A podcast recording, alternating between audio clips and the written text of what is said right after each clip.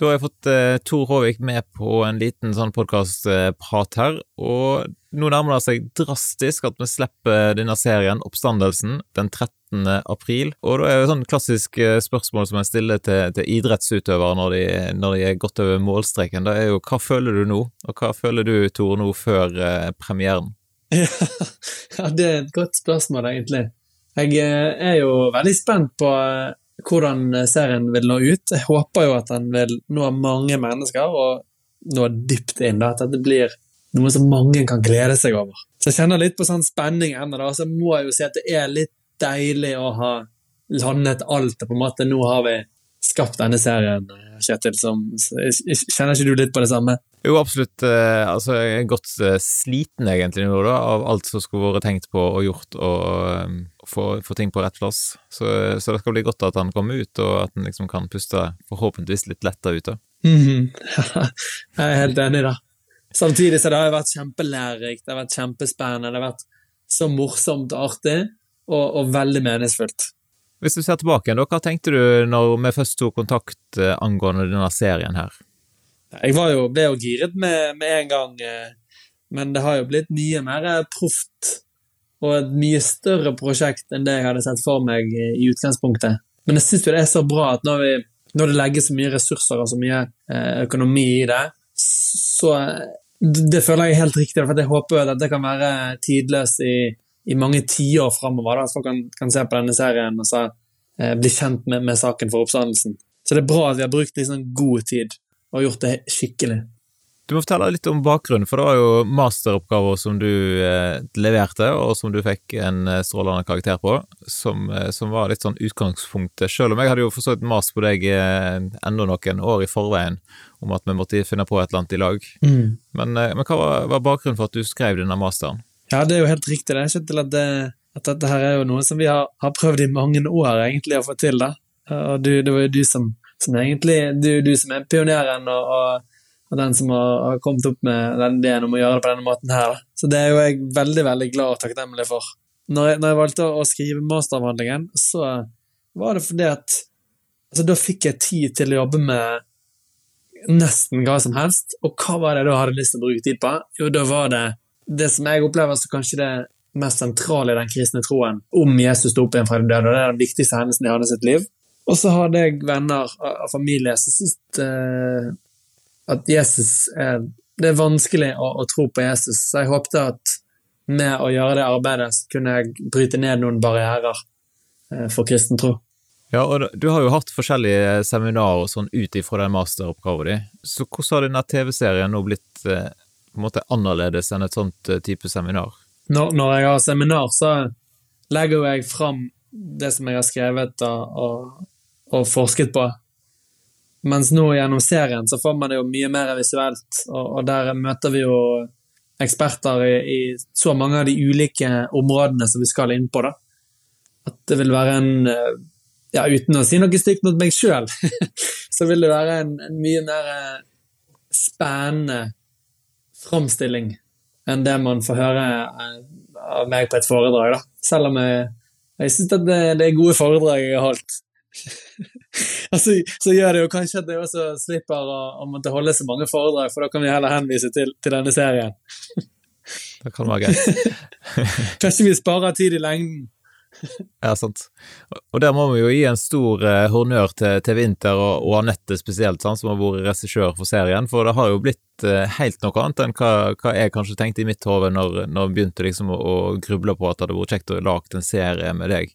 Mm. Eh, så da at vi fikk deg med på laget, og at eh, vi har fått inn så mange eh, fantastiske profiler og profesjonelle folk i serien, der er det jo de som har iallfall gjort mesteparten av jobben, er ikke det sånn? Ja, det, det, er helt sant. Og det at vi har med TV Inter, som, som jo er kjempeproffe, ja, som lager TV, det gjør jo at uh, alt blir løftet til et, et, mye høyere nivå enn det uh, jeg hadde trodd at vi, vi, kom til å få til. da. Og, og når, når, når, vi snakket om det tidligere, så, så trodde jeg nærmest uh, og tenkte jo at dette ble som et foredrag, bare at det ble stilige innklipp underveis og sånne ting.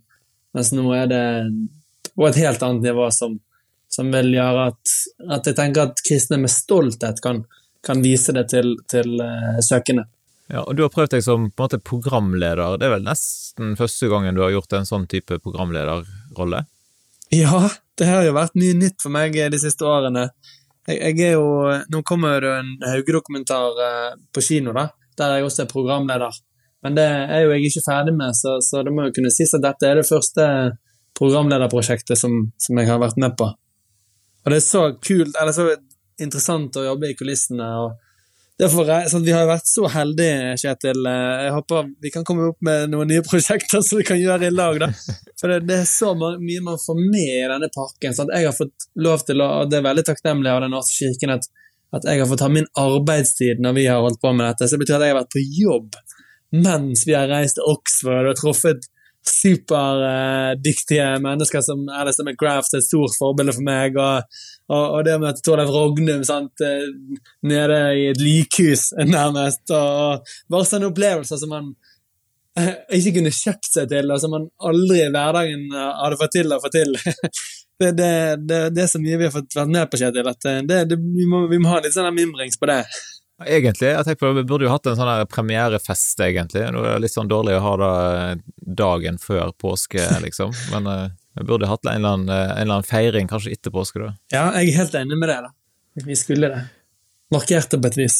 Har du ellers noe å si om hvordan det har vært å jobbe med Anette og, og TV Vinter? Anette er jo kjempedyktig, da. Hun uh, har holdt et klart blikk uh, for fremgangen og, og, hva vi har av stoff, og så har hun satt det sammen på en en glimrende måte, som, som sier for seg. Da. Så det har, vært, har vært dyktige folk i alle ledd. Da. Jeg er så takknemlig for Ole og, og, og Anette, som i TV Inter har, har, sørget for at dette blir eh, som jeg sa tidligere, det blir TV-kvalitet på det.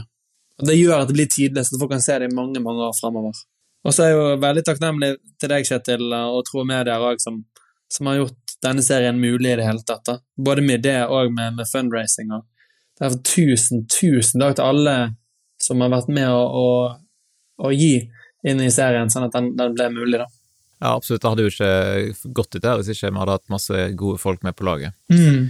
Når du ser tilbake nå, da på, vi har jo nesten jobba i et år eh, litt sånn av og på, sant. Eh, hva har vært mest krevende for deg med å lage serien? Det har jo egentlig vært det at det, at det skulle bli bra, da. Det har vært eh, å fremlegge ting på en måte som både er sant og spennende og engasjerende, da. Det er ikke så lett å, å underholde samtidig som man legger fram masse fakta. Og det tror jeg og håper vi har klart, da. Det er jo det fine også med, med en sånn type serie, at, um, at det både kan være veldig undervisende og samtidig ganske underholdende. Da satser vi på. Hva syns du, da, Kjetil, har vært det mest utfordrende? Ja, jeg har jo fått være med på litt ulike planer, så, så, så sånn eh, rent praktisk, da var være med som sånn her kamera to-person var litt sånn til tider krevende, for det var litt eh, ulike settinger, sant. Altså du springer etter deg på, på T-banen eller på flyet, liksom, og skal prøve å få noen gode klipp. Eh, det kan jo være en utfordring, da. Men øh, følte du deg forresten noen gang litt sånn smårar når du gikk rundt i Oxford eller gikk rundt i, i Oslo og med et sånt stort kamerateam rundt deg? Nei, altså det syns jeg bare er veldig moro. Og jeg, jeg tror nok at jeg, siden jeg er prest og blitt litt kjent, så er det mange ting man ikke lenger kan gjøre. Jeg er jo litt sånn, jeg synes det er mange ting som er gøy. Altså, det å storme en fotballbane er jo noe av det jeg har hatt, hatt lyst til i mange mange år. Sant? Å gjøre noe sånt vågalt som ikke er uetisk, på et vis. men, med det da å få lov til å, å, bare være litt på utdrikningslag, nærmest Det kan jo, kan jo, føles litt sånn når vi har, liksom, har stoppet folk på gaten og sånn. Det synes jeg bare har vært ganske moro. Så da får man en unnskyldning til, til å kunne gjøre litt sånne halvgalne ting. Ja, Som, som å bytte bukser på T-banen? Ja. Eller trikken i Oslo? Ja. Jeg satt jo en periode uten bukse på trikken midt i Oslo, ja. og heldigvis var jeg ikke alene, for da hadde det vært helt helt absurd. Men, men dere var heldigvis rundt, så da, da var det på en måte innafor. ja, da gikk sånn noenlunde greit, iallfall. Mm. Så har du møtt ulike mennesker. Du har nevnt Alistair McGrath, og du har nevnt Torleif Rognum. Eh, og så er det mange andre som har vært med på, av både kristne og ikke-kristne personer som har fått vært med i serien. Er det noe som har gjort spesielt inntrykk på deg? Det er jo den eh, summen av, av alle, da. Det å få treffe Alison McGraft, som har vært et sånt forbilde, det var kjempestort. Det samme var med Mike Lecona som, som ikke vi fikk så mye plass til i serien, men som jeg fikk lov til å treffe over FaceTime. Han er jo en person som har vært viktig i min forskning når jeg skrev avhandlingen. Det å få møte han, selv om det ikke var person til, eller face to face, så, så var det stas å få tid av han. Så det er liksom det er jo alle, alle kan man egentlig si det om. Sant? Jeg møter Hedvig, psykolog. Jeg møter Jørn Lea Horst, kjempekult. sant? Norges nest største forfatter. Eh, Henrik Syse var superartig. Hilde Brekke Møller. Uh, altså det, det, Richard Swinburne, selvfølgelig. Han må jo nevnes.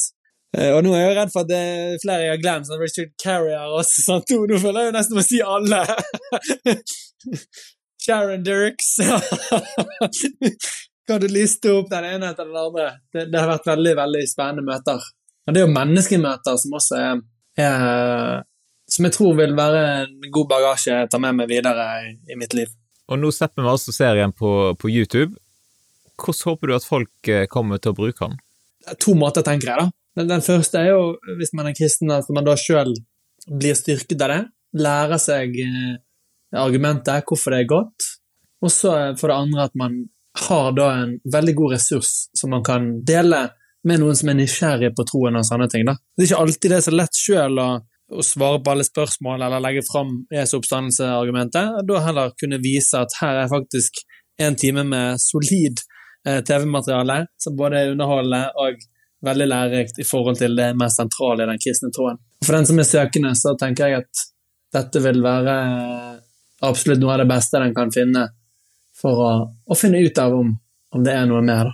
Og så er det sånn at De som lytter til Damaris-podden, da, tror iallfall jeg at de er sannsynligvis eh, mer interessert i apologetikk enn gjennomsnittet, og kanskje noen av de som ser serien, der vi tenker at her går vi jo ikke nok i dybden. Hva vil du eventuelt svare på hvis noen tenker eller kritiserer serien for det? Så Dette er jo en, eh, en veldig god, kort innføring av materialet, da. Det vil jeg si. Og så er det alltid Eh, rom for uh, utdypelser. Ja, det blir jo litt feil kanskje å forvente at en skal klare å gå inn på alt som er når en har såpass både begrensa tid og begrensa ressurser og sånn, da. Men vi har jo lagt eh, egen ressursside til serien, som en kan finne på snakkomtro.com slash eh, Jesu oppstandelse. Og Der ligger jo både lenke til selve masteravhandlingen din, og masse ulike både bøker, videoer og forskjellige ressurser som en kan eh, dykke ned i, da. Så vi håper jo da at folk, eh, folk blir interessert av når de ser serien med deg, og så at de eventuelt vil utforske nærmere. Eh, har du noen andre tips eh, som du vil fordre folk å, å, sjekke ut om, eller hva er liksom dine favorittbøker om, om denne tematikken her? Nei, Det der var veldig bra sagt, Kjetil. Eh, det, den, den, siden som dere har laget i Tro og Media der, vil være en veldig god måte å, å videre kunne utforske spørsmålet om Jesu oppstandelse, da. Mer enn bare den timen som vi får gjort i, i serien.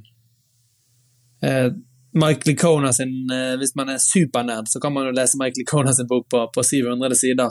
Stefan Gustavsson, som vi også har med i serien, han, eh, og som det også var veldig kjekt eh, å, å få møte, han har jo to bøker om denne tematikken som, som kanskje er den beste innføringen på norsk da, som han har.